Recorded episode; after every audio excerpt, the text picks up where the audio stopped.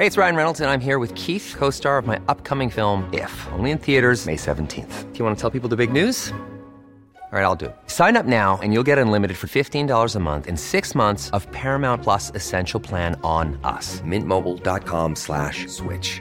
Upfront payment of $45 equivalent to $15 per month. Unlimited over 40 gigabytes per month. Face lower speeds. Videos at 480p. Active Mint customers by 531.24 get six months of Paramount Plus Essential Plan. Auto renews after six months. Offer ends May 31st, 2024. Separate Paramount Plus registration required. Terms and conditions apply if rated PG. I'm Sandra, and I'm just the professional your small business was looking for. But you didn't hire me because you didn't use LinkedIn jobs. LinkedIn has professionals you can't find anywhere else, including those who aren't actively looking for a new job but might be open to the perfect role, like me. In a given month, over 70% of LinkedIn users don't visit other leading job sites. So if you're not looking on LinkedIn, you'll miss out on great candidates like Sandra. Start hiring professionals like a professional. Post your free job on linkedin.com/people today. Du lytter til en podcast fra TV2.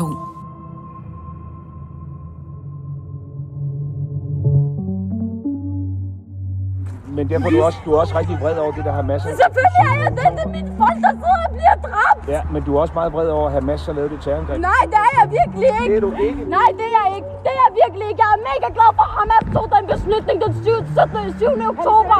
Vi har været i fucking fængsel siden 1948. Det er der, så filmen knækker for dig. Ikke? Store demonstrationer med palæstinensiske flag og arabiske slagord har fyldt i gaderne de seneste uger.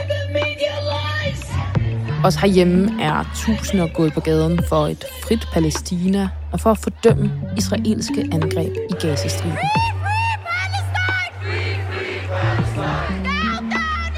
Nu undersøger politiet, om der er demonstranter, der har hyldet og billiget terror. For det er ulovligt. Man må ikke billige terror, man må ikke tilskynde til terror, og det tager vores myndigheder meget seriøst og vil også slå hårdt ned på. Men hvornår siger man egentlig noget, der gør, at man kan betegnes som terrorsympatisør? Hvad er en lovlig kamp, og vigtigere endnu, hvad er en ulovlig kamp for et frit Palæstina? Det spørger vi justitsminister Peter Hummelgaard om i dato i dag. Mit navn er Andrea Dragsdal.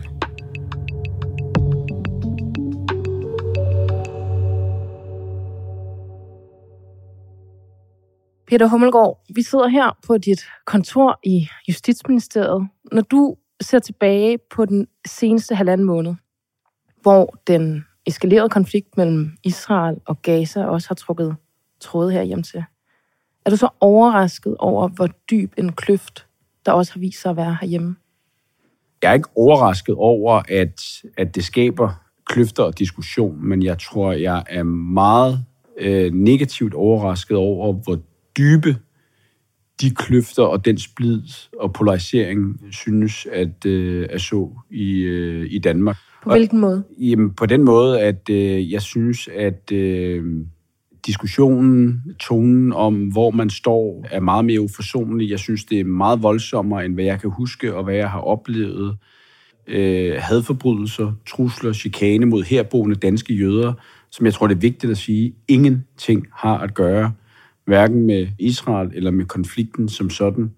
Jeg synes, det er oftere og oftere, bare når jeg bevæger mig rundt i gadebilledet, og jeg kan se, at der er malet hagekorstegn forskellige steder. Vi er her for at tale om det at billige terror. En paragraf i straffeloven, som statsministeren og du som justitsminister har bedt politiet, myndighederne, være særligt opmærksom på i de her uger.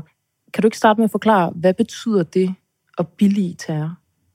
Jamen, altså det betyder jo øh, groft oversat til dansk, at man hylder det, at man bakker op om det. Og grunden til, at vi har en øh, bestemmelse i straffeloven imod det, det er jo fordi, at det er jo øh, det første skridt mod øh, det næste skridt, som jo er egentlig tilskyndelse til terror. Øh, og der er en hårfin grænse mellem, hvornår at man billiger og hylder andre, der begår terror, til hvornår opfordrer man andre eller sine omgivelser til at begå terror. Findes der ikke mange af det, som du måske vil opfatte som afskyelige holdninger i samfundet, som man ikke ulovligt gør, men som man bare fordømmer? Altså, der er en hårfin grænse her, når I har valgt decideret at forbyde det, gør det ulovligt at have den holdning, ytre den holdning. Det er meget ofte, der er en hårfin grænse mellem, hvad vi synes som samfund og som mennesker er øh, forkasteligt og fordømmelsesværdigt, og hvad der så er egentlig forbudt og ulovligt. Og det er jo til syvende og sidst op til domstolen at vurdere. Men jeg synes omvendt også, det er vigtigt, at når vi lever i et fællesskab som det danske, at vi også har nogle, øh, nogle grænser hinanden imellem for, hvad det er, at vi også synes er en accepteret norm at give udtryk for. Jeg synes ikke, det er acceptabelt, at man kommer med hadfulde ytringer mod muslimer. Jeg synes heller ikke, det er acceptabelt, at man kommer med hadfulde ytringer mod jøder. Og det er derfor, så har vi jo faktisk også øh, forbud mod hadforbrydelser, øh, også i form af ting, der bliver sagt eller skrevet. Ligesom jeg heller ikke synes, det er acceptabelt at glæde sig over og hylde, at andre mennesker er blevet slået ihjel, uanset hvad man så i øvrigt måtte mene om den konflikt, hvor andre mennesker er blevet slået ihjel i. Og når du ser tilbage på den seneste halvanden måned, og statsministeren og du er kommet frem til, at myndighederne skal have et ekstra øje for den her paragraf, er det så fordi, I vurderer, at der er sket brud på den lovgivning? Ja, det er dels derfor, men, men jeg vil også være ærlig at sige, det er jo selvfølgelig også fordi, vi er meget, meget bekymrede over øh, det, vi oplever. Vi er meget, meget bekymrede på vegne af vores jødiske landsmænd.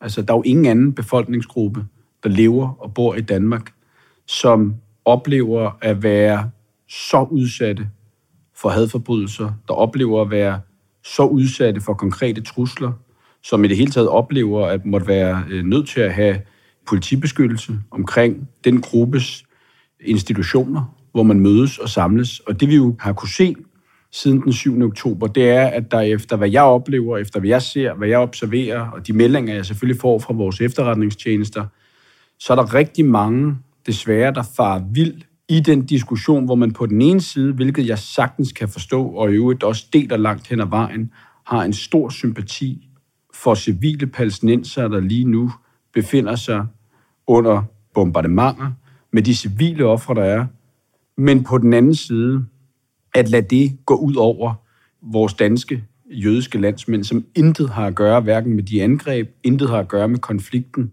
men alene øh, til synligheden begår den forbrydelse at være jøder. Du sagde lige, der er ingen anden befolkningsgruppe end jøderne, der oplever så mange hadforbrydelser. Er det rigtigt? Oplever muslimer ikke på et generelt plan langt flere hadforbrydelser, end danske jøder gør?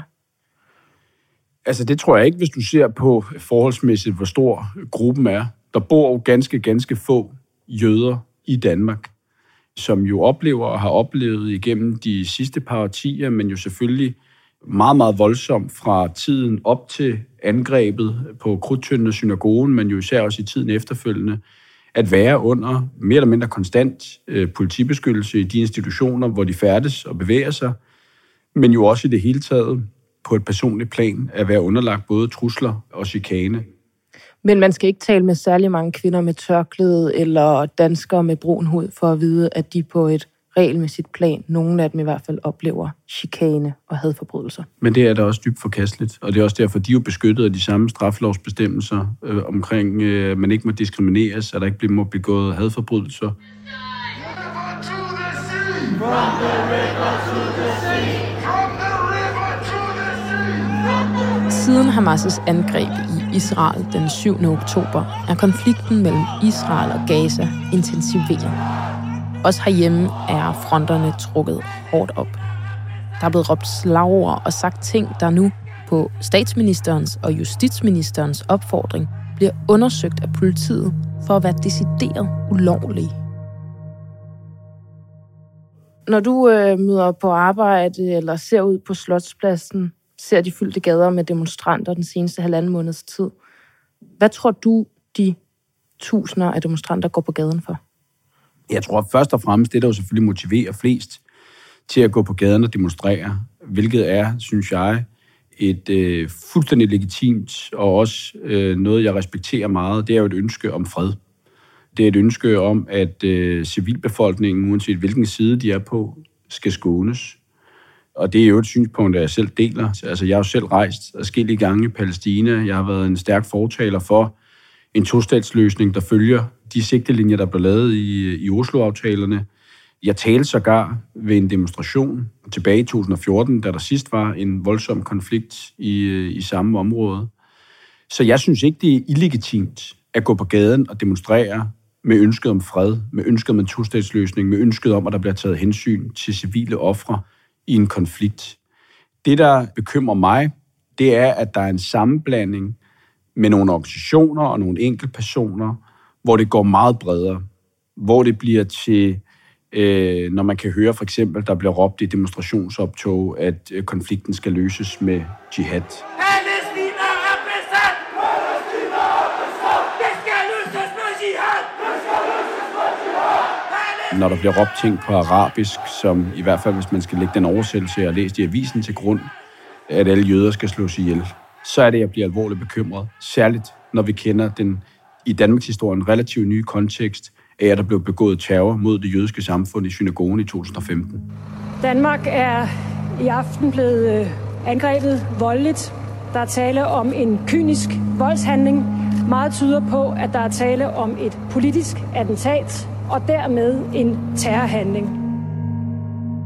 Også dengang, hvor der var folk, der hyldede terroristen Omar el-Hussein, var der en diskussion om, hvornår man egentlig er terrorsympatisør. Øh, altså, der har jo været forskellige domme for billigelse af terror. Altså for eksempel var der i København en mand, der efter øh, angrebet herhjemme udtalte, at den her mand har et hjerte af guld. Vi muslimer tager ikke afstand fra den mand. Han er en held. Og det var her, hvor tiltalte henviste til gerningsmanden til terrorangrebet i København den 14. og 15. februar 2015. Og han blev dømt for billige terror. Et eksempel på en, der ikke blev dømt, var en mand, der skrev, øh, jeg er Omar. Er det ikke lige præcis bevis på, at det er enormt svært at lovgive omkring sådan noget her? Altså, det er jo ikke svært at lovgive omkring det. Håndhæve. Og, og jeg ved heller ikke, om man kan sige, at det er svært at håndhæve, for jeg synes tværtimod, at den dom jo viser, at der skal ret meget til, fordi vi har hvide rammer for ytringsfriheden, og det er også okay, at der skal meget til. Og det giver jo i hvert fald en rettesnor i forhold til, hvis man både tager den sag, hvor det er, at der var en, der udtalte, at den her mand har et hjerte af guld, og så i øvrigt fortsætter og hylder Omar el-Husseins handlinger i februar 2015, over for ham, der ikke blev dømt, der nås med at skrive øh, Sjøsvi Omar, så understreger det jo, at der skal en hel del til, og at det godt kan lade sig gøre at have en paragraf, hvor man kan blive straffet for billigelse af terror, samtidig med, at vi har hvide rammer for udtryksfrihed. Det er altså ikke helt lige til at forstå, hvornår en hyldest til en terrorist eller terrorhandling er på den ene eller den anden side af loven. Måske er det endda endnu sværere i dag, når det handler om den palæstinensiske bevægelse Hamas, der er politisk valgt, men også er på EU's terrorliste. Kan man billige dele af Hamas' handlinger, den politiske gren, eller angreb på militære mål, uden at være terrorsympatisør? Altså for mig, i mit sind, er der jo ingen som helst tvivl. Jeg mener jo godt, man kan støtte, at der skal være en tostatsløsning, at palæstinenserne skal have rettigheder, uden at man støtter Hamas, som jo er en terrororganisation på EU's terrorliste i øvrigt. Øh, og jeg er selvfølgelig nok også meget præget af, at jeg selv kendte mange, da jeg var yngre, som på en eller anden måde var aktive i øh, Fatah og øh, i, i PA, altså det palæstinensiske selvstyre, som jo i 2007 øh, eller 6, så vidt jeg husker, der blev overfaldet af Hamas øh, og blev fordrevet i øvrigt fra Gaza. Jeg har ingen overhovedet formidlende ting at sige om Hamas, og mener i øvrigt heller ikke, at andre bør have det. Men om det øh, i sig selv vil være nok til, at man falder ind under straflovsbestemmelsen, det kan jeg ikke gøre mig til dommer over. Jeg vil jo våge den påstand, og har den politiske analyse, at Hamas har gjort større skade på palæstinensernes sag, næsten end nogen som helst andre, Øh, helt tilbage fra midten af nullerne, og det kan man jo sikkert se forskelligt på. Der, hvor det i hvert fald vil være, hvis vi snakker straffeloven, øh, det er jo, hvis man stiller sig op, og på samme måde som i de domme, vi har fra tidligere, og heldegør handlinger, som har kostet andre mennesker livet. Øh, og jeg tror også, det er vigtigt at sige, at jeg oplever ikke nogen i Danmark heller, som måske selv mener, at Israel har en legitim ret til at forsvare sig selv, som heldegør den måde, man så forsvarer sig på. Hvad mener du med det? Jamen det mener jeg. Jeg har ikke hørt nogen udtalelser i den offentlige debat i Danmark. Jeg har ikke hørt nogen herboende jøder øh, stille sig op og hylde øh, konkrete modangreb, øh, konkrete drab på civile i Gaza eller lignende. Og jeg tror, det er der forskellen den går. Der, hvor jeg vil hen, var, at hvis man som demonstrant bliver citeret for at sige, at man støtter Hamas, eller at man hylder Hamas, så kan det selvfølgelig være, fordi man hylder den terrorhandling, de terrorangreb, Hamas har begået. Det kan også være, at man støtter op om de modangreb, om de angreb, Hamas udfører på Israel, som man fra Gaza betragter som modangreb på de israelske luftangreb, du selv lige har beskrevet. Kan man ikke godt mene det? Man kan sikkert sagtens mene det. Altså, jeg er uenig, og jeg, jeg synes, det er forkasteligt, og jeg vil også gerne øh, fordømme det, men det er jo ikke ens betydende med, at det med sikkerhed vil ifalde strafansvar. Når vi har bedt myndighederne om at være opmærksomme på det, så er det jo fordi, at vi er bekymrede over den overflod, der synes at have været på de sociale medier, men også i det offentlige rum, af både handlinger og ytringer, der bevæger sig lige på grænsen. Og derfor kan man også sige, at fordi man billiger en terrororganisations handlinger, er det ikke det samme som at billige terror. Øh, der kan være mange ting, hvor man kan sige, at en historisk kontekst at sige noget, altså for eksempel det her, der bliver råbt ved mange demonstrationer, from the river to the sea. Jeg tror, når jeg ser på det, der kan jeg jo se på de mange, der råber det, der er man ikke nødvendigvis bevidst om, hvad er egentlig konteksten af det her slogan her. Jeg tror ikke, man er bevidst om, at det egentlig betyder, at alle jøder, der befinder sig på det geografiske territorium, der i dag er Israel, de skal fordrives, og de skal også gerne dø. Det er det, der ligesom er konteksten bag det. Det er jo helt klart ikke sådan, folk råber det. Og det er også derfor, jeg er meget tilbageholdende med, at jeg skal sidde og vurdere, om for eksempel From the River to the Sea øh, vil være at tilskynde til noget som helst, eller at billige noget som helst. Øh, og det tror jeg jo formentlig nok også vil være, lige præcis med det der, være vanskeligt for myndighederne at løfte bevisbyrden, fordi vi har hvide rammer for ytringsfriheden. Og derfor tror jeg, at mange af de sager, vi vil opleve blive rejst, det er, hvor det næsten er indiskutabelt, at det, der er foretaget, det er en eller anden form for hyldest over, at andre mennesker er blevet slået ihjel. Er det ikke lige præcis argumentet for, at paragrafen om billigelse af terror er så fluffy, så svær at håndhæve, at det måske giver bedre mening at holde sig til den, der alene forholder sig til opfordringer, tilskyndelse, decideret rekruttering?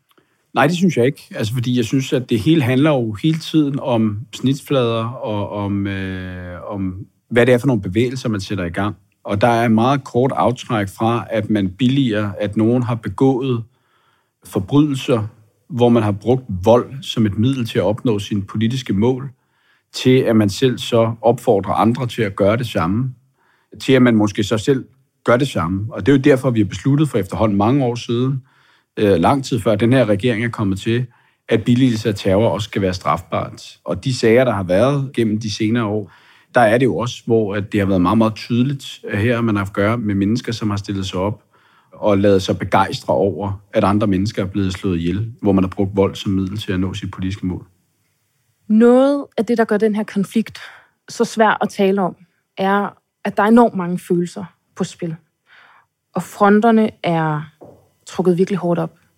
Kan du som justitsminister være med til at tale de fronter hårdere op, faktisk være med til at grave den kløft dybere, når du og regeringen går efter at slå ned på ytringer, der i overvejende grad kommer til at ramme pro-palæstinensiske demonstranter og aktivister? Altså, det er ikke vores ærne i hvert fald. Tværtimod. Mit ærne øh, og regeringens ærne, øh, det er at øh, skærme en meget, meget lille minoritet af jødiske landsmænd, der bor i Danmark, og ingenting har at gøre med den her konflikt her. Det eneste, de måske har med den at gøre, det er, at de har på den ene eller anden måde relationer af øh, familiemedlemmer, der enten har boet i Israel eller bor i Israel. Men de har intet med konflikten at gøre. Tværtimod synes jeg jo, at det meste, man hører fra det jødiske samfund, det gælder både overrabineren, men også formanden for det jødiske samfund og andre, der udtaler sig, det er jo, at de ønsker sig fred og en fredelig løsning. Vores bekymring er jo konkret i den forstand, at vi kan jo se, baseret på også vores efterretningstjenesters vurderinger, at truslerne mod det jødiske samfund i Danmark er til stede, og de er kun blevet større oven på den her konflikt her. Og det er jo altid et spørgsmål om, øh, hvad for en dråbe er det, der får bæret til at flyde over.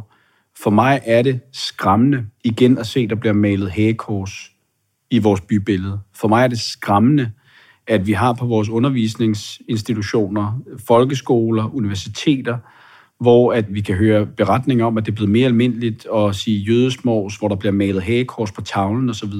Og derfor har vi jo selvfølgelig også et behov for at sige, at der er altså nogle grænser i Danmark.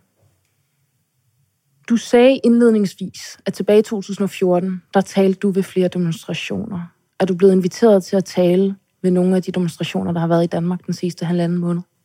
Det er ikke nej. Har du lyst? Jeg har altid lyst til at bidrage til alt, hvad man overhovedet kan, for at skabe fred i Mellemøsten, i den øh, længstværende konflikt. Det vil jo klart være en konkret afvejning af, hvad det er for en demonstration, og hvem det er, der afsender osv. Noget af det, jeg selv har haft svært med, skal jeg være helt ærlig, det har jo været, at hvis man gerne vil udtrykke en sympati for civile ofre i den her konflikt her, hvor går man så hen for ikke lige pludselig at være til stede et sted, hvor der er, at der er bannere på arabisk, som tilhører hisputerier, øh, eller som tilskynder til, at alle jøder skal slås ihjel, eller alt muligt andet, hvad vi har kunne se i medierne. Øh, fordi det har jeg ikke lyst til at være en del af. Jeg har lyst til at blive ved med, og det er jo også den her regeringsholdning, at arbejde for og kæmpe for, at der kommer en fredelig løsning på den her konflikt her, men jeg har ikke lyst til at bidrage eller ses bidraget på nogen som helst måde til noget, der kan virke som et forsvar for Hamas' gerninger den 7. oktober. Peter Hummelgaard, justitsminister, tak fordi du vil være med i Dato i dag. Det var så let. Dato i dag er tilrettelagt af Emil Laversen og Mathias Bundgaard. Lyddesign stod Pauli Galsgaard for. Redaktør, det er Astrid Louise Jensen. Og mit navn er Andrea Dragsdal.